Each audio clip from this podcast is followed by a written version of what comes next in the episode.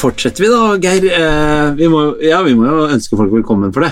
Ja. Velkommen til eh, en ny episode av Gi litt mer faen, The Podcast. Det er guess. Eller en podkast om livsmestring. Ja, og så har vi Vil du endre den enda litt mer? Ja. Men det gjør vi ikke. Du gjør ikke det nå? Nei. Nei. Vi kunne kalt det livslæring, da. Ja, det Det er vi et gjort. godt ord. Ja. Ja. For det er jo det vi snakker om.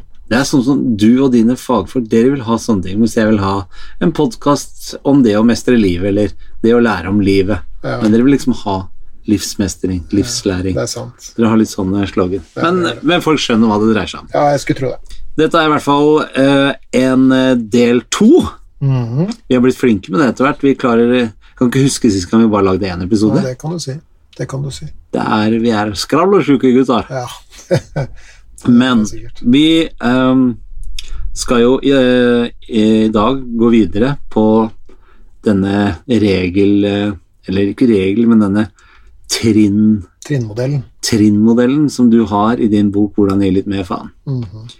uh, og trenger vi egentlig noe mer før vi starter, eller var det noe du Ja, jeg bare lurte på, eh, fordi at nå hørte jeg noen rykter om at myndighetene liksom drev og um, i all sin eh, godhet, da, mm, justerte litt på antall personer som kunne være til stede på forelesninger, nei, forelesninger, hører du, forestillinger, Ja. uh, så videre.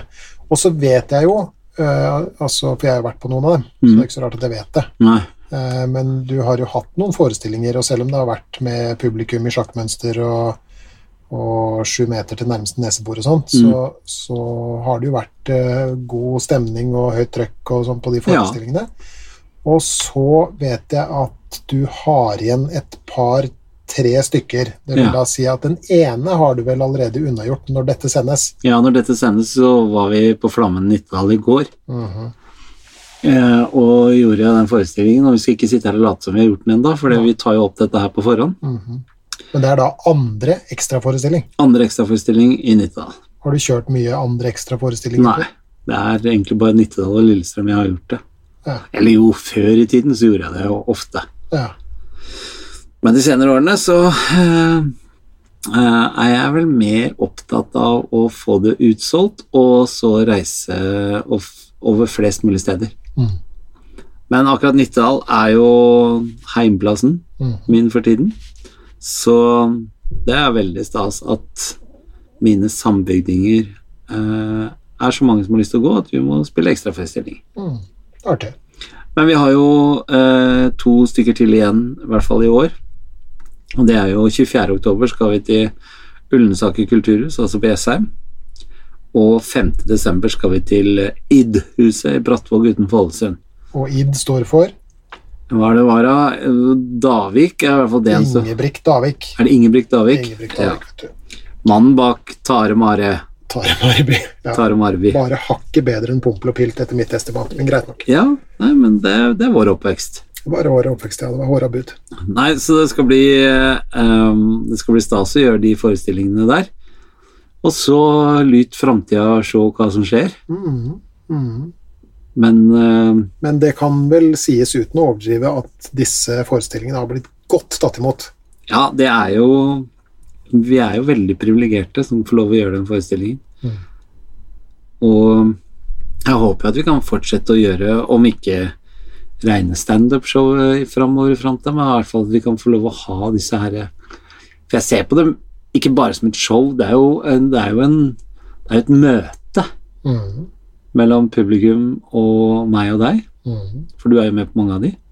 Ja, det vil si, jeg, jeg står heldigvis ikke på scenen. Nei, men du er i salen, og du står og signerer bøker etterpå, og prater jo med veldig mange av de som har vært inne på forestillingen. Mm.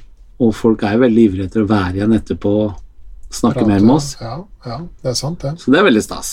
Men du har jo Jeg vet ikke om dette er å å brukte uttrykk i forrige episode 'foregripe begivenhetenes gang', men, eh, som jeg syns er et godt uttrykk. Men, ja. men så i fare for å gjøre nettopp det, Ja.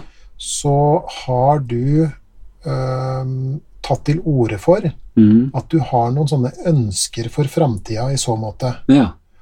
Har du lyst til å Skjønner du hva jeg mener? Jeg vet ikke hva du sikter til, så du Nei, ok. Da skal jeg, skal jeg ta fram teskjeen her, altså. Ja. Ja. Du har sagt at du i fremtida kunne tenke deg å og vridd det her mer mot litt sånn forelesningsstil, med Ja. en standup-show. Ja, altså eh, Jeg tror ikke jeg kommer til å endre så mye måten For jeg er bare meg sjøl når jeg er på scenen. Men mer innpakningen. Altså jeg, det er ikke så viktig for meg å være yo, premiere og rød løper og terningkast i avisen og sånne ting. Det er ikke noe viktig for meg. Jeg har gjort det i 25-26 år, så jeg been there litt. Eh, Jeg har mer lyst å, å fortsette å jobbe med dette temaet. Det, det høres rart ut å si tema, for det er jo livet. Mm. Men jeg har lyst til å gjøre, fortsette å gjøre mer meningsfulle ting, Jo, og ikke samtidig- bare få folk til å le. Nei, nettopp, ikke sant? for det var poenget mitt Mm. også. fordi at du har jo fortalt Det har vært veldig fascinerende for meg egentlig å få fått et innblikk i din verden. da. Mm. Fordi at du, også Alle disse teateruttrykkene og sånn som jeg ikke visste en skit om. ikke sant? Ja.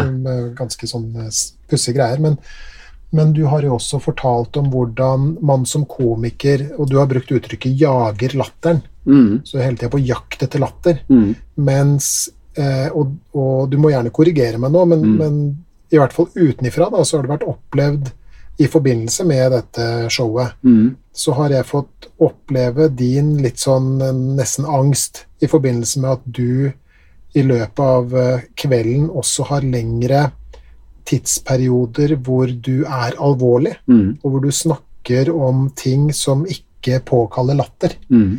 Eh, og det du nå da sier, det som jeg hører deg si, da, Mm. er jo at du kunne tenkt deg å vri det enda litt mer over på det litt sånn kall det seriøse, selvfølgelig med et skråblikk, det er ikke det jeg Mm. sier, men er det, er det, er det riktig? Ja, altså underholdningsfaktoren i det ønsker jeg å fortsette med, for det er sånn jeg er. Men, eh, men rammene rundt er vel egentlig det Jeg er kanskje litt dårlig til å forklare meg, men, men jeg vil at folk skal ha en opplevelse av å være på våre ting framover, eller mine ting framover, som ikke ø, utelukkende handler om å le seg. Mm.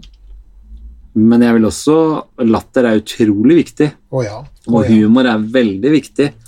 Og det som er fantastisk med humor og latter, er at det gjør et eller annet med kroppen din som gjør at du husker bedre også. Mm. Sånn så du kan garantert spørre de fleste mennesker i dag eh, hva er den morsomste filmen du har sett? Og så husker de hvilken film det er, og når de så den, og hvilket år. Men så har de sett 10 000 andre filmer som de ikke husker når de så, eller hvor eller de var, eller noe sånt noe. Mm. Sånn at de gjør et eller annet med at man husker, husker bedre. Mm. Så absolutt, men det er rammen rundt. Altså um, Sikkert også noe med at det være litt sånn Så folk vet kanskje litt bedre hva de går til. For det er jo noen som ønsker eh, å bare gå ut og drikke mest mulig og ha det gøy med vennene sine, og så få seg en latterkrampe. Og ære være den formen, eh, og det har gjort meg til den jeg er i dag. Eh, men jeg kunne like gjerne gjort forestillingen som den som vi har nå, kan vi like gjerne gjøre på dagtid for en samling fagpersoner innenfor ja, barnevern eller folk som jobber på sykehus eller som jobber, på, jobber med psykisk helse. Det hadde ikke vært noe problem med å gjøre den forestillingen. Mens noen av de andre showene jeg har hatt tidligere, kunne jeg ikke gjort da. Eller en brukerorganisasjon, eller Ja, ikke sant? mm. Eh, Støttegrupper, pårørende, ikke sant? Alt sånt noe. Eh, Men det kunne jeg ikke gjort med noen av de andre forestillingene som jeg lagde tidligere årene. Så det er, det er mer det jeg mener, da, at, eh, at eh, eh, Og jeg elsker jo det, hele den derre foredragsvirksomheten. Så drømmen hadde vært å kunne reist rundt og så gjort eh, Når folk er ferdig på jobb, da seks-sju på kvelden, så kan de komme på en mandag eller tirsdag, eller sånt, og så har de halvannen time med bare eh, De blir skikkelig underholdt, men sitter igjen med mye også. Mm. Mm. Var det forståelig? Det var ytterst forståelig. Ja. Gleder meg til fortsettelsen der, det skal sies. ja. Og så disse campene drømmer jeg om, da. Så Ja. um, De mer sånn strabasiøse campene. De strabasiøse campene. Så du kan kombinere de to tingene. Hadde vært helt fantastisk. Mm. Så drømmen er også å få kjøpt meg et lite småbruk, pusse det opp, og så kunne samle folk både helger og uker og eh, bruke kroppen og snakke om ting som som gjør at uh, flere mennesker kan få det hakket bedre enn de hadde når de kom. Mm. Ta noen andre, andre og mer fruktbare livsvalg, kanskje. For det er jo den reisen jeg har hatt nå, og ser jo hva det betyr for meg og mine. Mm. Så hvis vi kan gjøre noe, enten i form av podkast eller foredrag eller forestilling eller camper, som gjør at eh, folk får det litt, eh, litt bedre, og det er jo det jeg tenker med den jobben som jeg snakket om i forrige episode også, å få jobbe innenfor barnevernet. Det er, eh, det er så mange mennesker der ute av mine medmennesker som, eh, som jeg har lyst skal få det litt bedre. Mm. Inklusiv meg selv, da. Ja, ja. Jo, jo. Og deg. Ja. ja. Og venner og familie. og Mm. Sånn. Men i hvert fall, vi begynte på i forrige episode eh, denne tolv trinn til en tyngre tilværelse, som vi har valgt å kalle disse tolv trinnene som du har i boken din. Mm. Som er en antitese som vi snakket om, eh, eller antiteser som vi snakket om i, i forrige episode. Og kort fortalt, så, sånn jeg forstår det da, så betyr det at du forteller egentlig litt, eller kommer med innspill til hva vi ikke burde gjøre. Og i, i, i lys av det så forstår vi bedre hva vi burde gjøre. Mm. Har ikke jeg forstått det riktig, da? Mm. Mm. Så vi hadde jo mål av oss å gjøre det på én episode forrige gang. Ja. Og det var ikke så langt unna vi kom i mål da, for vi klarte to av tolv. ja. Ja, du verden. Det var eh, Jeg må jo si at, eh, at valget av samtaletema for eh, den episoden var vel var vel godt valgt av deg, vil jeg påstå. Ja. Uh, Og det viste seg at uh, innenfor disse små setningene så ligger det jo en hel verden av Ja, hva skal vi kalle det, da? Um, livsforståelse og, og, og sånne ting. Ja, og vi, vi konkluderte også med i, for, i forrige episode at, uh, at disse tolv trinnene på en måte også er en litt sånn oppsummering av alt det vi har snakka om. snakka om i disse ja, nå 32 episoder. Mm, ja, ja, med podkast. det, det er ikke til å tro. Det er ikke til å tro. Jeg, jeg, Og snittet på de er jo langt over en time på hver og en av de, så vi har laga godt og vel 40 timer podkast som er sendt. mm, Og da, så, så sånn sett så er dette på en måte en um, reminder, um, eller en Hva heter det på norsk? En oppsummering, påminnelse. Oppsummering, ja. ja. Mm, Påminnelse, ja. Veldig bra. Ja. Så derfor så stuper jeg rett i det, og så begynner vi nå på trinn nummer tre. ja.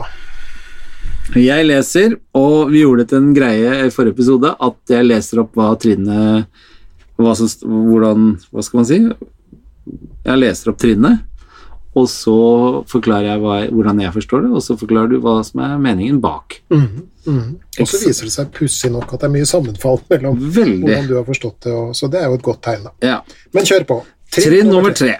Husk å følge godt med på din egen form i løpet av dagen. Overvåk tanker og følelser.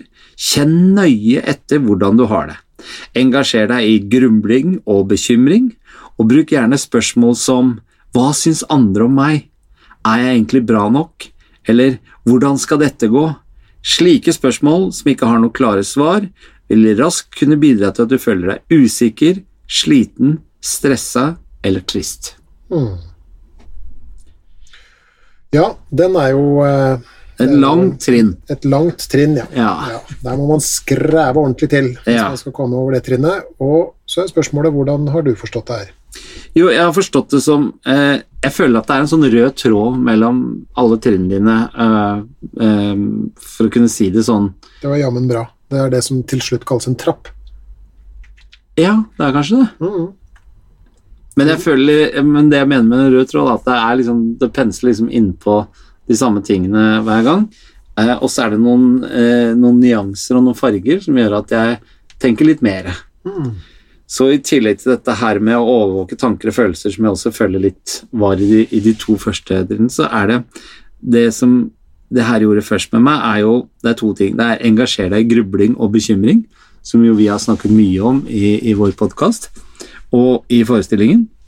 Men her spørsmålene som jeg syns hjelper meg veldig på vei, er spørsmål som jeg ofte stiller meg selv, og det er hva syns andre om meg?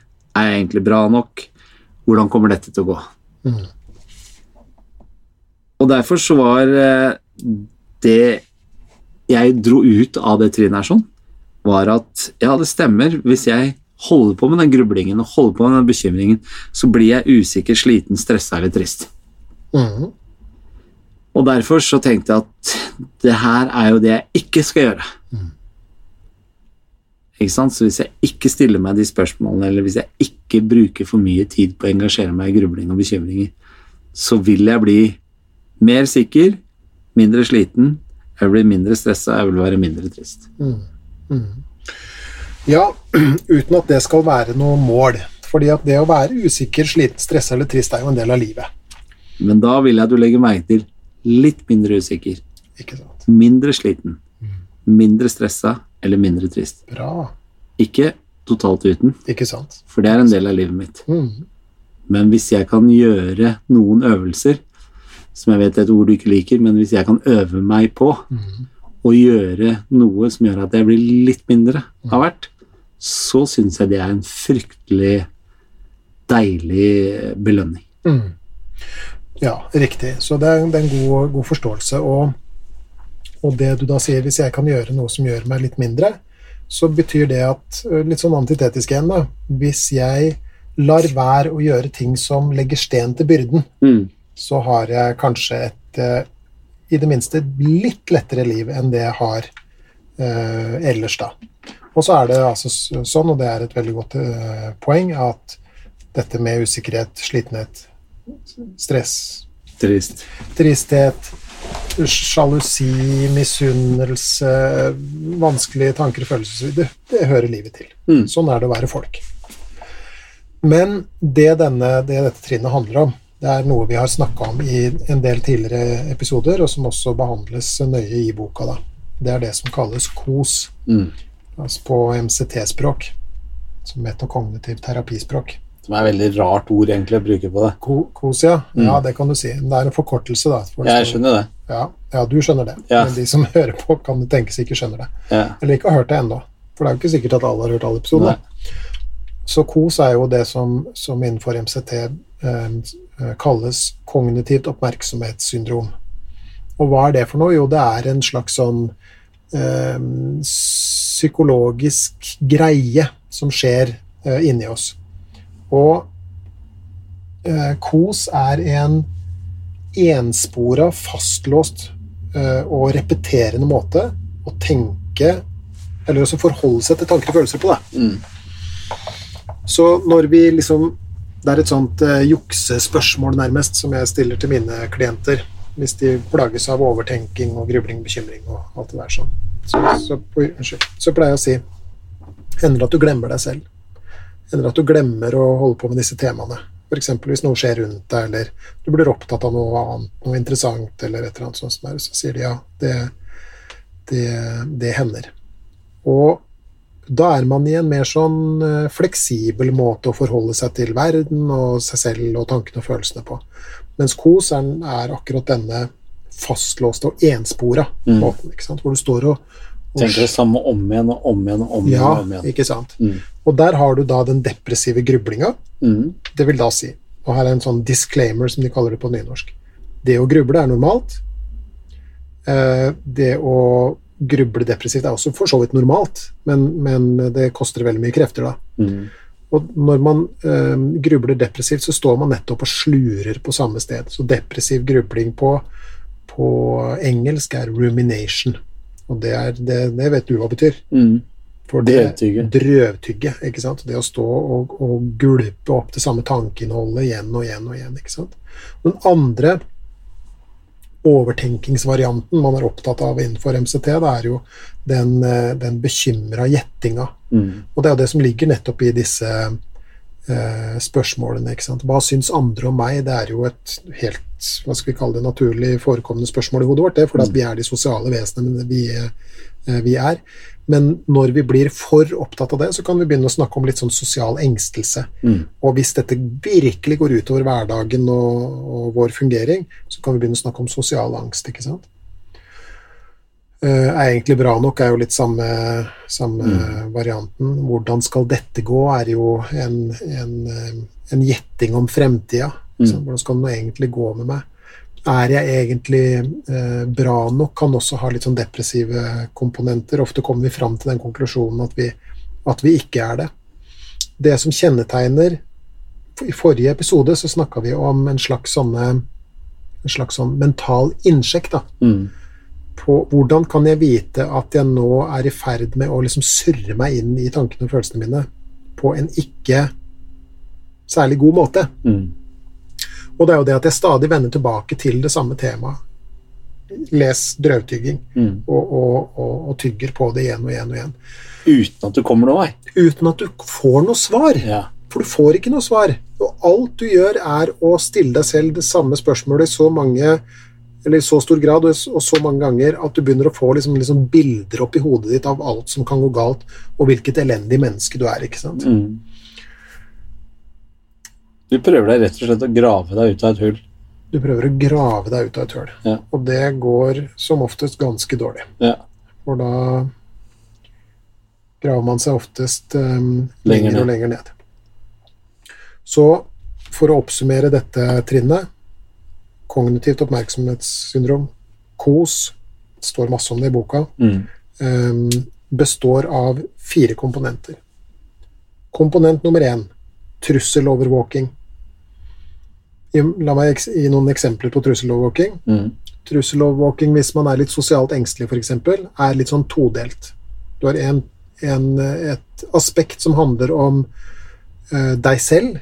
Om du rødmer, om du svetter, om du er nervøs, um, hvor anspent du er i kroppen osv. Og, og når du begynner å overvåke disse fenomenene, så tas de til Hvis du da kjenner at du er veldig anspent, at du er veldig rød, svett osv., så, videre, så tas det som et slags sånn bevis på at du er i sosial fare. Mm. Ikke sant? Så da har du en trusselovervåking innover. Er jeg spent? Er jeg nervøs? Mm. Du har også en trussel, et trusselfokus utover, og det går mot andre mennesker. Hvordan ser de på meg? Ehm, hva tenker de eh, om meg? Hun der ser veldig skeptisk ut, hun liker meg sikkert ikke.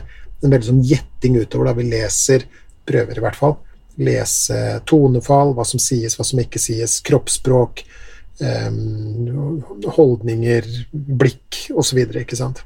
Så det er en øvelse vi alle gjør altfor stor grad. Ja, det gjør vi, og, og en del av det skyldes at nettopp at vi er sosiale, flokklevende primater som, Ja. som, uh, som trenger å vite hvor vi er i flokken. Det gjør vi jo hele tida? Men jeg tenker sånn at folk som, som sliter med dette når dette her blir et problem, hadde kanskje hatt godt av å Eller ikke hadde hatt godt av, men i hvert fall sånn for min del, når jeg har vært i de situasjonene, så har jeg hatt godt av å tenke at det er faktisk helt umulig for meg å vite hva du som sitter på andre bordet, tenker om meg. mm, Jeg kan gjerne bruke masse energi på å prøve å finne ut av det, mm, noe som ikke vil gjøre meg noe bedre. mm. Og det kan godt tenkes at jeg, skal være så gal at jeg spør deg faktisk også, men jeg har jo ingen garanti for at du svarer riktig. Ikke sant? Sånn så at fasiten på det er jo nesten umulig å, å, å oppnå, sånn jeg tenker. Og at jeg vil være mer tjent med å ikke bruke så mye energi og fokus på hvorvidt du gjør det eller ikke. mm. Så klart så mener jeg jo ikke at man skal bare gi faen i alt og gjøre som man vil og gå naken på butikken og kjøre i 200 km.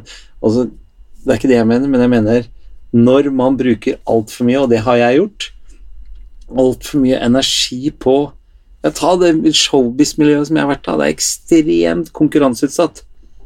Eh, og det er nesten en sånn opplest og vedtatt regel om at andres suksess er din fiasko, og vice versa.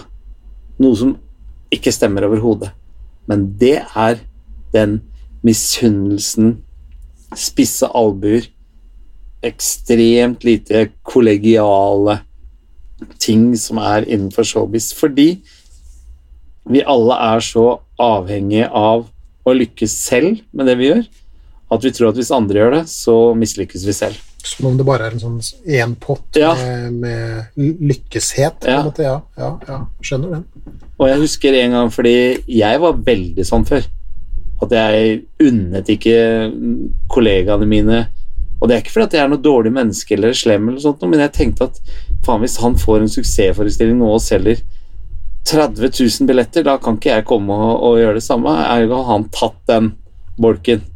Men så var det en, en, en god eh, kollega som jeg har hatt i alle år, som heter Jonas Rønning, faktisk. Fantastisk god komiker.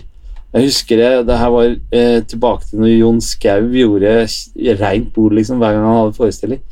Så var jeg sånn her ja, men ja, det er utrolig. Han har hatt flaks, og han har mye bedre manager, eller han har hatt mye flaks med deal, og det er fader, åssen er det han selger? Så husker jeg Jonas sa til meg at eh, ja, men det er nå, Tommy. Til våren er det kanskje deg eller meg. Eller det er bare å jobbe hardt, så vil jo alle oppnå mye av det samme. Mm. Det er jo ikke sånn at det er brukt opp. Mm. Og, og det som er rart, er at det tvert imot er sånn det fungerer. For hvis én lykkes veldig, så blir det mye oppmerksomhet på det, så blir det enda lettere for andre å lykkes med det. Mm. Så det er egentlig stikk motsatt av det vi går og tror hele tiden. Mm. Så man lærer så lenge man lever, Mm. Åpenbart. forhåpentligvis. Åpenbart. Så du snakker veldig sånn der nynorsk etter at du kom tilbake fra Gol, eller hvor det var? eh, lom, ja. Lom, ja. Ja. mhm. Ja, men eh, å prater mer slik, slik ja det gjør det det. her. Ja. Litt som om Bremin, ja. Ja, ja. det er Jo, nei, altså dette med, med, med litt sånn sosiale bekymringer. Eh, og som du sier, det er jo helt umulig å vite hva andre tenker, tror, mener og synes om oss. mm, Eh, og, og det eneste det eneste valget du har, er jo å, å kapitulere overfor Altså med tanke på alle forsøkene da, på å finne ut av det her. Men det betyr jo at da må du leve med den usikkerheten det gir. Altså ikke at det ikke blir mindre Det blir jo ikke mindre usikkert hvor mye du gjetter, ikke Nei. sant? men det kan gi en følelse av å liksom nærme seg noen svar, på en måte. da. Men det samme gjelder jo f.eks. folk som går rundt og er trusselfokusert på helsa si. mm. ikke sant? Hvis man har leamus i en finger, f.eks. Kjenner du noen som er Nei, trusselfokusert på ingen. helse? Ingen. Nei. Ingen. Men jeg hørte om en fyr en gang, han hadde leamus i fingeren. Trodde han hadde ALS, eh, eller ble redd for det. Ja. ikke sant? Eh, Og trusselfokuset når det gjelder helseangst, er jo veldig sånn innover. Ja. Det er overvåking av symptomer. Det er også litt sånn eh, Nei, forresten, det kommer til, til seinere, så drit i det. Men du syns jeg er det? Det har jeg ikke sagt. Jo, du har sagt at uh, jeg har tendenser til å være litt trusselfokusert på helsen min. Det er noe annet. Ja. Mm. Man kan kalle deg litt helseengstelig. Men på den annen side, litt helseengstelse skal man jo også ha. Ja, Hvis ikke så går man rundt, og så faller den ene testikkelen av fordi at man har kreft. Ja. Og det ville være dumt. ja. ikke sant? Så, så litt engstelig skal man være. Men summa summarum, ved de aller fleste av, av angsttilstandene, Mm. i hvert fall de som innebærer veldig mye sånn tenking og sånn, bekymring, så er ikke Eller så er ser det ut til, i hvert fall, da, at, og i hvert fall når vi kommer til dette med metakognitiv terapi, så er eh, arbeidshypotesen, om vi kan kalle det det, at denne personen plages av en eh, kan kalle det, har en, har en slags usikkerhetsfobi. da. Mm. Hvis du da har, har helseangst, la oss, Mm. la oss si det, så, så er hovedproblemet ditt at du tåler dårlig usikkerheten knytta til din egen helse. Mm. Og du kan jo sjekke deg omtrent i hjel. Du kan løpe til legen døgnet rundt og ligge i en setemaskin som kjører deg inn og ut. ikke sant? Ja. Og, og sitte på Google og ha et team med leger som overvåker deg til døgnets tider. Det hindrer ikke at du ikke får kreft, f.eks. Eh, For den kan jo oppstå uavhengig av hvor mye man blir eh, undersøkt. Og da, det vil da si at det du da må øve på, er å tåle usikkerheten knytta til helsa di.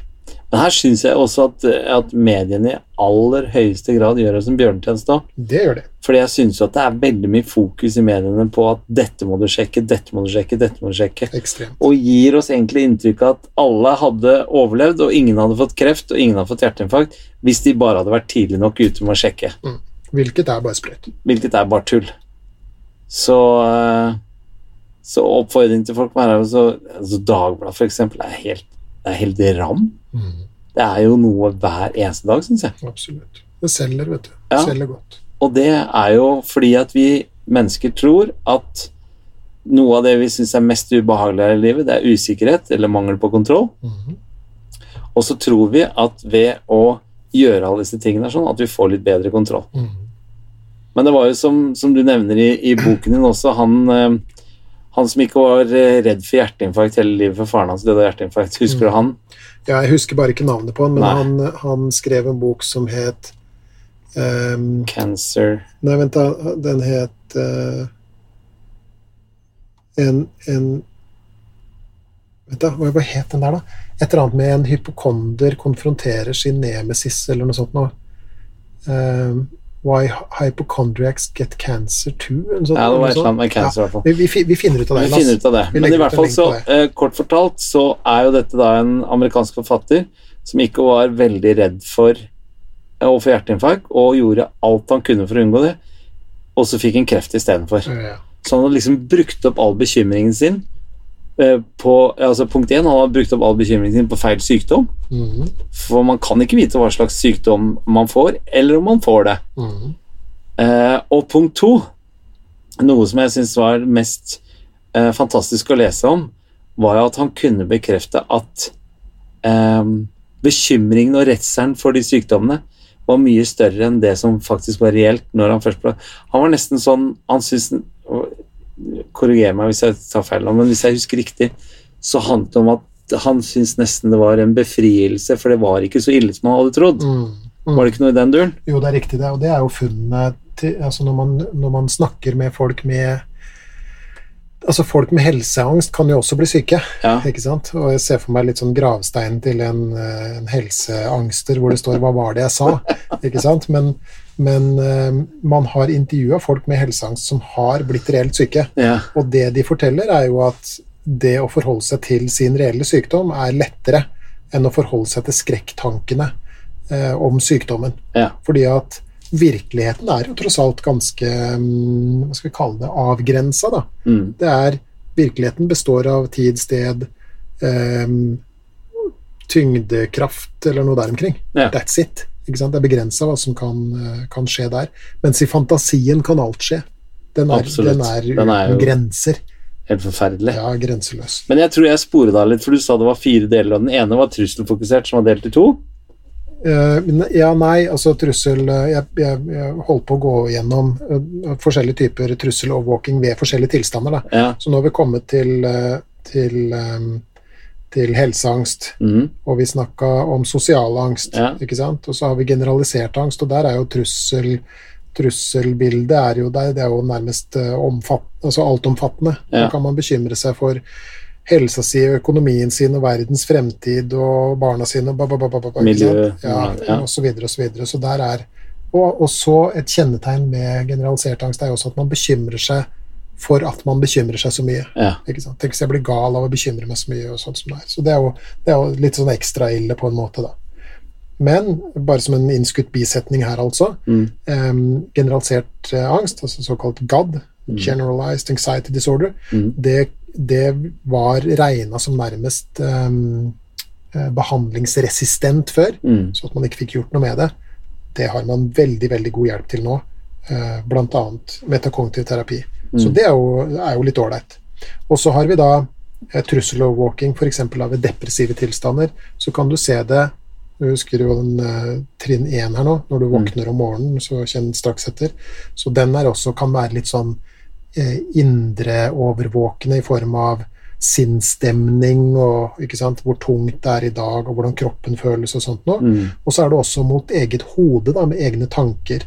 Eh, dette med at ehm, eh, Tanker om barndommen, f.eks., eller tanker om egen verdiløshet osv. blir veldig viktig. og man, man, man henger seg opp i disse tankene og, og gnurer mye rundt på de, og blir dermed da låst inn i denne eh, tilstanden. Men kan vi si at eh, Sånn for å skille mellom grubling og bekymring, da, Mhm. så kan vi si at bekymring er eh, frykt eller redsel for ting som kan skje i framtiden, Mm. ikke sant? Som høyst sannsynligvis ikke inntreffer som regel. Mens grubling er mer eh, over hvordan tilstanden er i dag, eller har vært. Mhm. Er det riktig å si det på den måten? Ja, det er, et, eh, det er et godt skille. Så, Så hvis jeg tenker på barndommen og fader, hvorfor sa jeg det, eller hvorfor gjorde jeg det på julebordet, eller Mhm. eh, når jeg var i det møtet, så skulle jeg ikke sagt det sånn, vet du, nå kommer de til å tro det.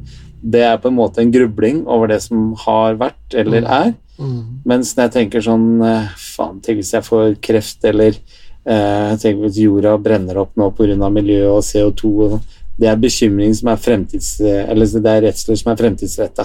Mm. Mm. Det er litt greit å bare tenke på at det er et sånt skille mellom For det er den samme overtenkingen man egentlig snakker om, eller?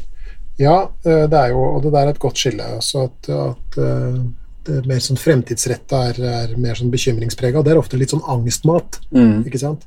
Som om angsten spiser bekymring til middag. ikke sant? Den trenger det for å leve, på en måte. Ok, så bekymringer kan føre til angst, mm.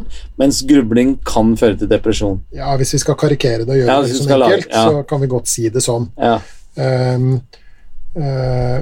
så det, det er jo det er Så greit. det er egentlig litt to sånn fæle stesøsken, dette Ja, her med, det er- med angst og depresjon. Ja, De henger sammen og, og vanker sammen og, og fyrer hverandre opp og, og sånn. Ofte. Ja. ikke sant?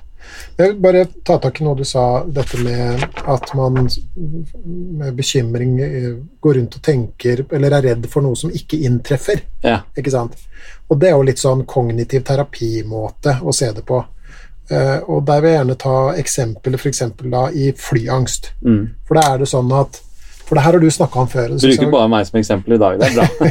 ja, men er, du er noe nærmest her, da, så, Ja, så Men jeg skal bruke meg selv som eksempel også, altså. ja bra. Jeg har noen ting på deg òg. Ja da, for Ja. flyskrekk er ikke noe jeg er ukjent med, for å si det mildt. Men um, uh, en, av, en av hovedargumentene overfor en person som plages med flyskrekk, da, Mm. Vil jo ofte være at ja, men uh, ifølge statistikken, vet du, så detter jo ikke flyet ned.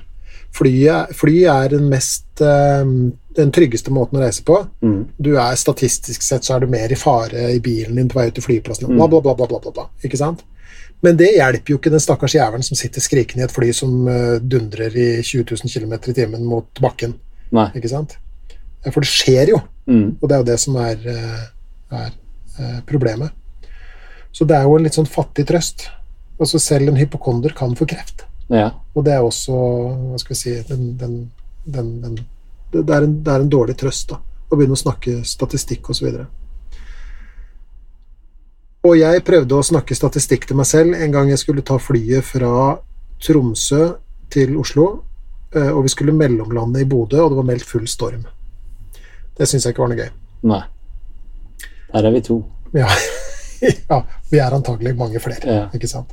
Etter flyskrekkursen å dømme, da.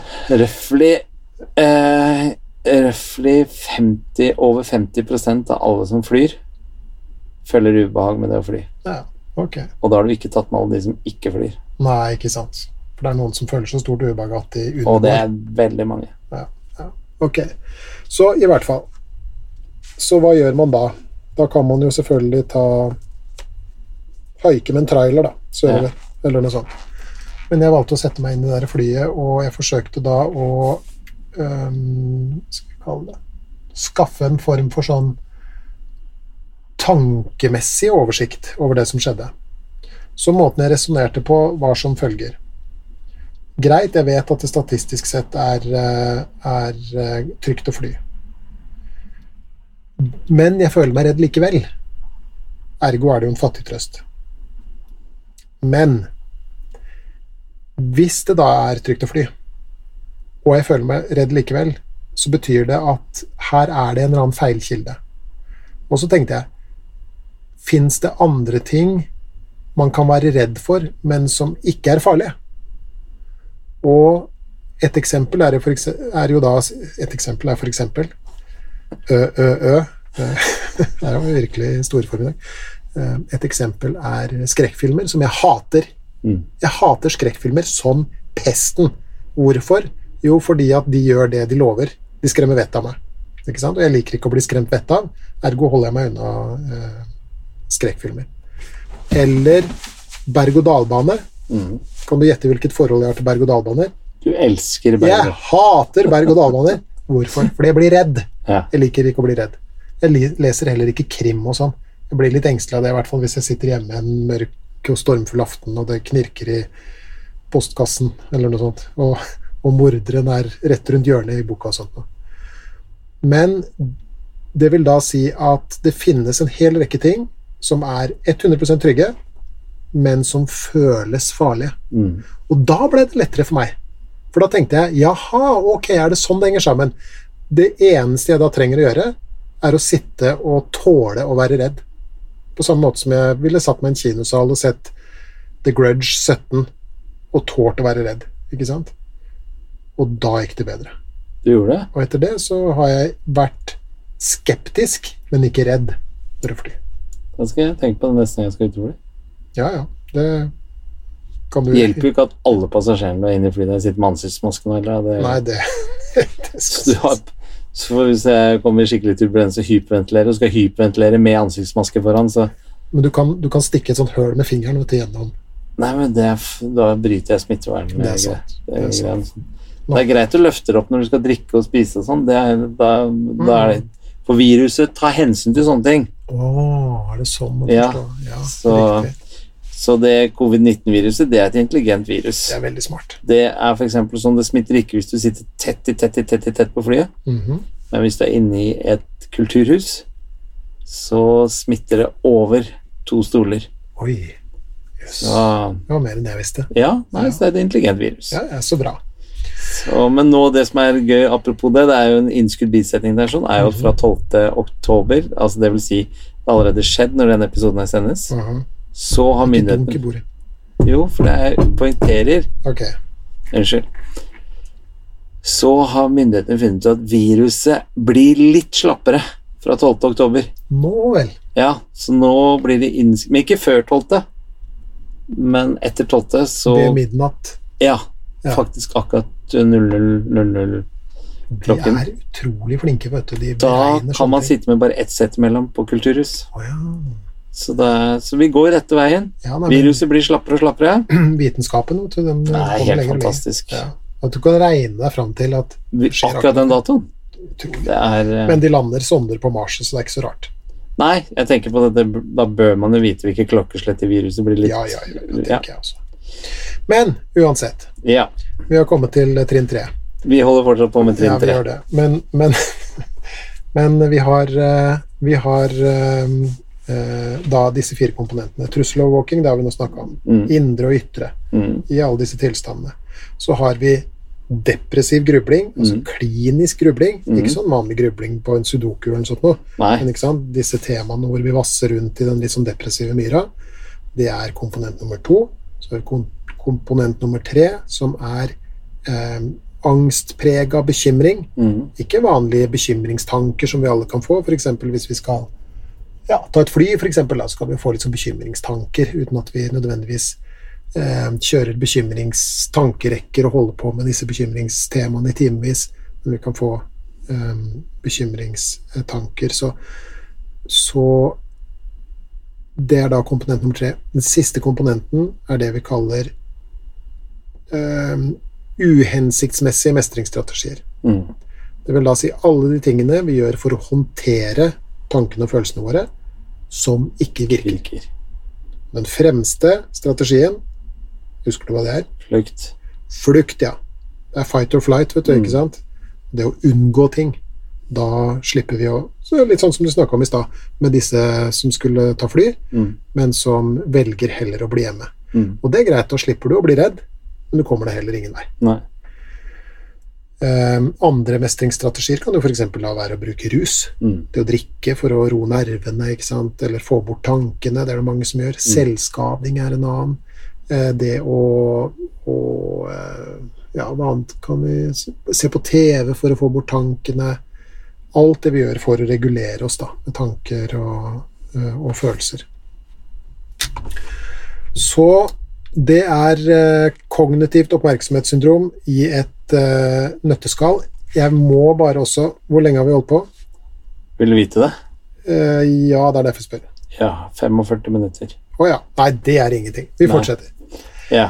Jeg, må- jeg syns det er litt viktig å poengtere, for det jeg hører du gjentar liksom de, de tingene, er jo Sånn som jeg opplever det på meg selv, er at om man har bekymringer, eller om man grubler som vi alle mennesker gjør, det er ikke noe farlig i det hele tatt. Mm, Eller ikke farlig, men altså, det er ikke noe problem i, i seg selv. Det er det å være menneske. mm, det, det vi snakker om, og som eh, dette her skal være en, en eh, antitese for, mm, er jo når disse tingene blir så overskyggende at det gjør noe med hverdagen din. mm, Ikke sant? Det er viktig å legge til de to.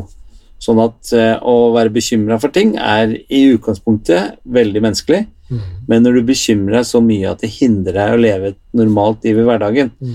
at det hindrer deg, og du vil ikke gå på butikken, eller du vil ikke gå ut av huset, eller du vil ikke fly ikke? Når det blir til en hinder for deg, da er det i ferd med å bli et problem som kan være lurt å prøve også å ta tak i. Mm. Er ikke riktig å si det sånn? Det er helt riktig å si det sånn. Når det går utover hverdagen din, griper inn i hverdagen din, og, og det går utover måten du fungerer på, måten du føler deg på, det sliter deg ut, Ja. koster masse krefter, så kan det være lurt å begynne å, å gjøre noe med det.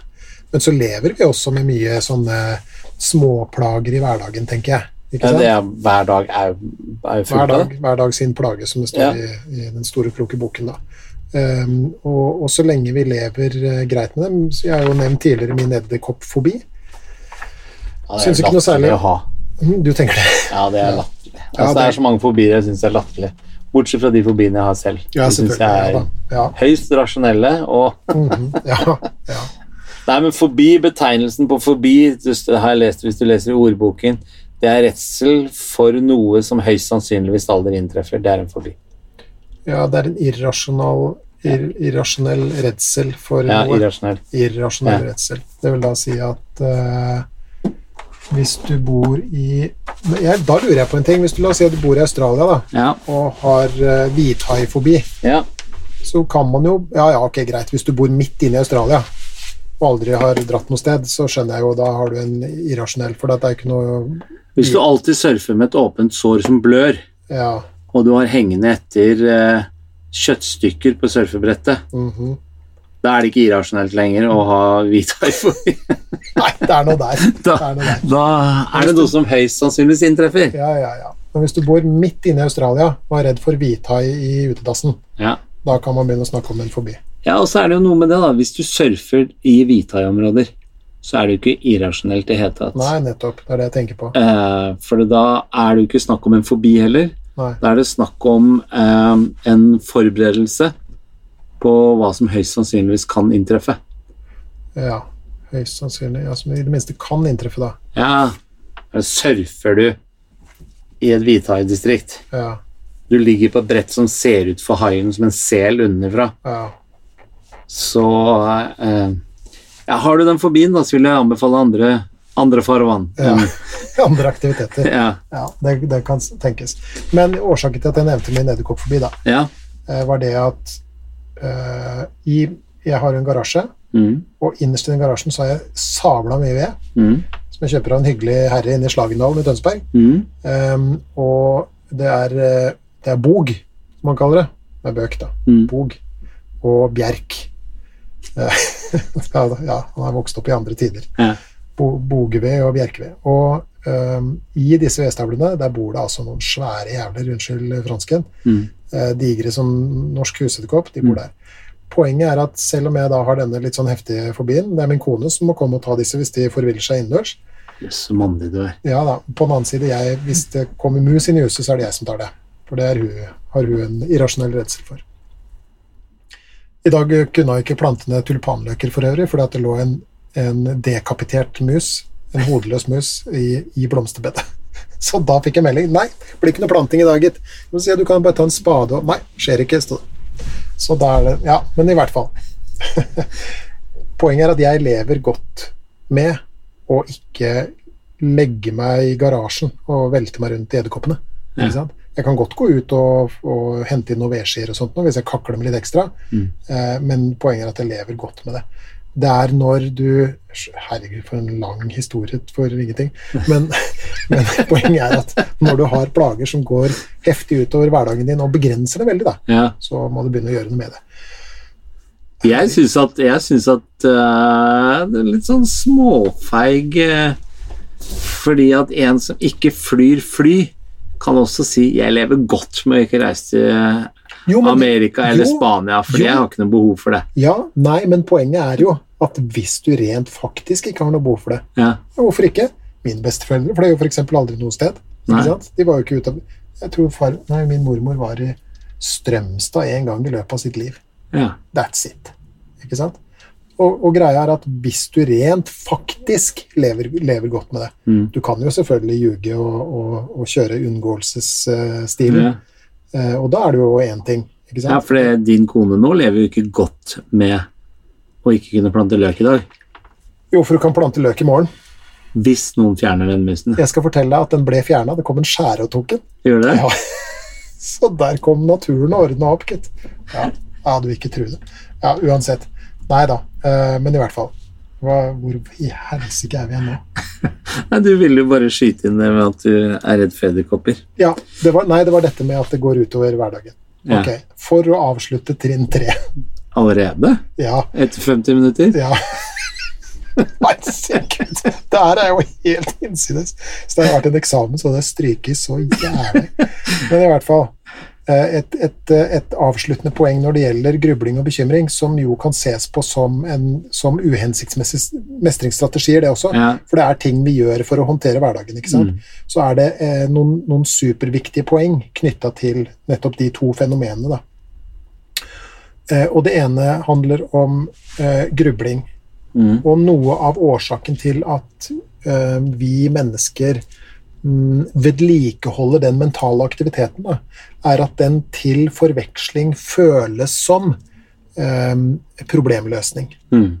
Men det er forskjell på klinisk depressiv grubling og det å løse et problem. Mm. ikke sant? For hjernen vår er jo et problemløsende organ. Det er ingenting den liker bedre enn å løse problemer. på en måte. Ikke sant? Vi, herregud, vi har jo bøker fulle av det. Vi har jo gåter og sudokuer, og vi- holder på. ikke sant? Og det er jo tross alt hjernen vår vi bruker for å bygge opp denne fantastiske sivilisasjonen som vi har ja, selvfølgelig med sine feil mangler, men som vi har bygd opp. da, ikke sant? Men Så når hjernen grubler over barndommen vår, og, sant? og om vi er bra nok eller ikke, og bla, bla, bla, så, videre, så, så føles det som om vi løser et problem. Som Mm. om vi er i ferd med å komme fram til en eller annen løsning. Mm. Men igjen så er beviset ikke sant? The proof is in the pudding, som de sier Mm. uh, i England. At, at uh, den tenkinga biter seg selv i halen hele veien. da Ja. så, så um, og, og hva skal vi kalle det? En, et, et, et annet bevis er jo at når vi kjører et problemløsning, en problemløsningsprosess, så går vi jo ut ifra et problem.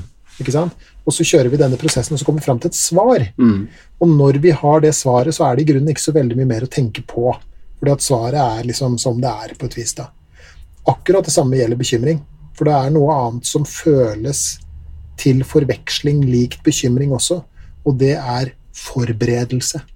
Jeg visste at du kom inn på det. Du tenkte det? Ja, for dette, dette tenkte du når jeg sa det greiene med haien. Mhm. For jeg, er jeg, jeg er enig, og det, og det er derfor jeg ville poengtere at gruble er greit, bekymring er greit, så sant det ikke blir til hinder i hverdagen. Mm. Og det å, å forberede seg Du husker du tok eksempel i boken på det å lage platting? Mm. Så er det jo Hva skal til for at jeg har lyst på en platting? Ja, da må jeg jo Jeg må jo grave ned noe, noe støpejern og sånn. Jeg må jo Det har jeg ikke gjort før. Hva må jeg gjøre for å grave det? Jo, da må jeg skaffe meg spade. Jeg må dra på Maxbo og kjøpe meg det. Så må jeg ha noen tverrbjelker, og så må jeg ha syrefaste skruer. Så Eller en annen byggevareforretning, bare så det er sagt. Ja, vi er ikke sponsa av de heller. Nei. Nei. Sitter det noen sjefer fra Maxbo der ute, så jeg bare sier fra. Så kan vi alltid snakke mer om det. Nå, ja. Men da forbereder du deg. Men du bekymrer deg hvis du er sånn Herregud, jeg skal lage platting.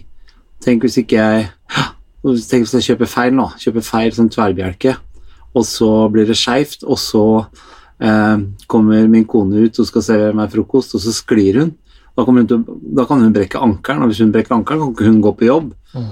Og da begynner vi å komme inn i kos, ikke sant? og hvis ikke hun kan gå på jobb, så er det andre gangen hun er sykemeldt nå, da kanskje mister hun jobben.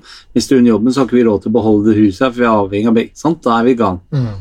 Så det er forskjellen Mhm. Det er på det å forberede seg og det å bekymre seg om en ting. Mhm. Mhm. Var det det du ja, helt riktig. Så jeg visste det var det riktige? Ja, det er aldeles strålende. Ja. Og, og du vet Begynner å kjenne det. vet du. Ja, ja, ja. Og det, man kan jo tenke f.eks. at La oss ta helseangst igjen. da. Mm. Det å engste seg for um, helsa si er en slags måte å forberede seg på at det, liksom, det skal skje. Mm. ikke sant? Og, og når det gjelder helseangst, så er det jo to varianter. det har vi snakket om tidligere. Det er Mm. de som er bekymra for å dø, så er det de som er bekymra for å bli hjelpeløse. Mm. Og der er det jo hjerte og kreft i de to første, eller første tilfellene, og så er det jo ALS da, Mm. og MS og en del sånne degenerative nevrologiske tilstander som er, som er uh, redselen i, i den, det andre uh, tilfellet. Men det er dette med å Jeg hadde en, en klient en gang som hadde fortalt det veldig sånn levende om, om det der. Og han kunne eh, ved hjelp av veldig sånn få trinn oppi hodet sitt da, eh, plutselig se for seg selv eh, ligge i en sykeseng eh, omgitt av eh, pleiere og leger og apparater som peip og sånt som er, og sin gråtende familie som liksom lå over senga hans og hulka, og så i neste sekund så var han i begravelsen, ikke sant? Hvor han så den her utenifra da, og hvor, hvor folk var helt fra seg, og, og, og barna var da farløs, og hvordan skulle dette gå, ja, men skjønner du, ikke sant? Mm. Og det er jo en slags sånn hva, hva skulle jeg gjort hvis det gikk så langt, på en måte? Ikke sant? Altså, så kan man jo selvfølgelig innvende at hvis du er død, så er du død, og sånn er det noe med den saken. Døden er de levendes problem, som Søren Kirkegård sa, men, men, eh, men det er en slags sånn mental forberedelse på ting. da. Problemet er jo at du forbereder deg jo ikke på noe som helst. Én, du kan jo ikke vite ja, Litt sånn som helseangst, du kan ikke vite at du bekymrer deg for rett sykdom engang. Ikke sant? Eh, to, når det gjelder f.eks. mer sånn generalisert angst, så hvordan skal du vite at det du bekymrer deg for, blir virkelighet, eller om du bekymrer deg for den virkeligheten som faktisk blir virkelig? Hvis du, Mm. ikke, skjønner du? Og det vil da si at igjen så må vi ta en sånn innsjekk på da, at driver jeg nå og bekymrer meg, eller driver jeg rent faktisk med forberedelse? La oss si at du skal ut og reise, f.eks. Det å pakke koffert og planlegge for en jeg vet ikke, en bobiltur. da, Mm. ikke sant? Så vil jo du og, og Linda antagelig sette dere ned og skrive ned en liste over ting dere skal ha med, og, og den datoen kjører vi dit, og den datoen tar vi kanskje på spark osv. Men dere har en liste over ting dere skal fylle bilen med og forberede og fylle diesel der og sånn, Mm. så er dere ferdig.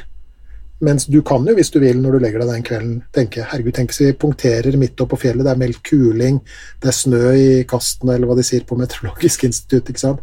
Tenk hvis vi står der og snør ned, og så kommer snøfreseren, Herre Jesus, hvordan skal det gå? Vi blir kverna til kjøttdeig begge to, Mm. mens vi ligger og hutrer i hverandres armer. Ikke sant? Der er vi ordentlig i gang, da. Så med andre ord, grubling er ikke det samme som problemløsning. Altså depressiv grubling er ikke det samme som problemløsning. Og angstprega bekymring er ikke det samme som forberedelse. Nei. Så det var trinn tre. Jøss. Yes. Du er sikker? Jeg eh, tror det. Jeg tror vi rekker ett trinn til i dag. Tror du det? ja? Eller syns du ikke? Jeg Vi har bare holdt på en er, time nå, så Ja, jeg er litt usikker, men skal vi se, da. Det er trinn uh, fire. Jeg er ikke så sikker på det. Faktisk. Så vi skal ta det i neste episode. Å, herregud, det her er jo pinlig. Nei, dette her er fantastisk bra. Ja. Det er ikke pinlig nå om du slutter å være så slem med deg sjøl. ja. Det her er jo hele grunnen til at jeg ville ta for meg de tolv trinnene her. Mm. er jo nettopp det som vi holder på med nå. Jeg syns det er en fantastisk måte å eh, få en eh, oppfriskning på det vi har jobbet med i et år, og for vårt tilfelle i tre år. Mm. Eh, og for meg er det Jeg syns det er eh, utrolig tilfredsstillende å se hvordan det er, det er litt sånn samme som eh, Uten videre sammenheng for øvrig, men når jeg tok flysertifikatet En utrolig tung utdannelse for en som bare har ungdomsskole som utdanning fra før. Eh, det er Jeg husker ikke hva det er, men det er 2500 sider teori eller noe sånt. Og så tenkte jeg åh, det her er så tungt. Men jeg begynte med det, da. For jeg hadde sett for meg at jeg skulle først ta teorieksamen, og så skal jeg begynne å lære å fly, for det skal jeg alltid klare. Og så var det en som tipsa meg til begynn på teorien, men begynn også å fly samtidig. For da fikk jeg se hva det gjorde i praksis. Mm.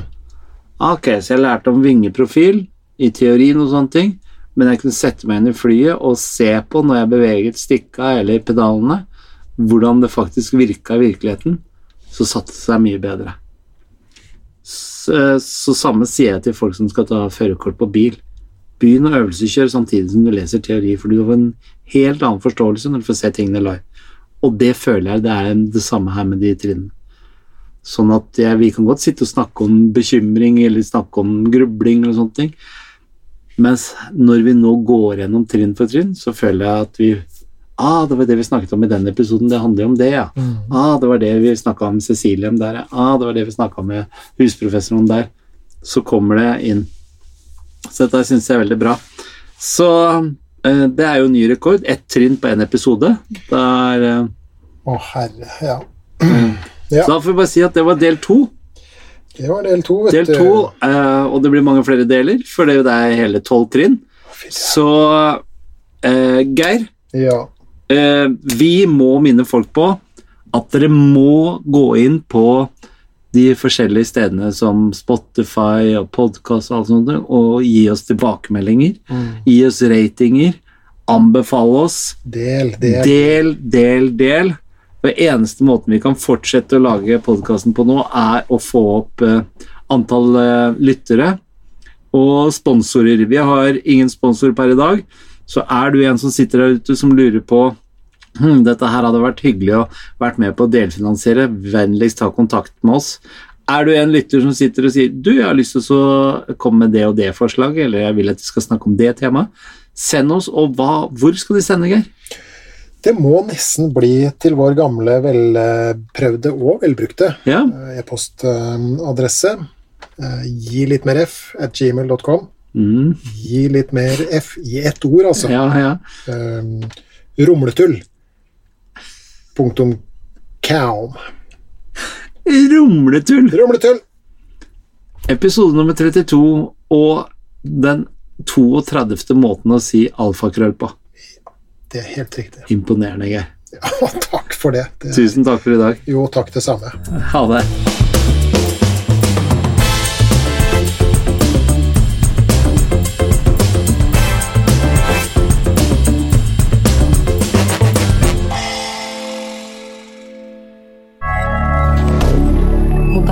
rien.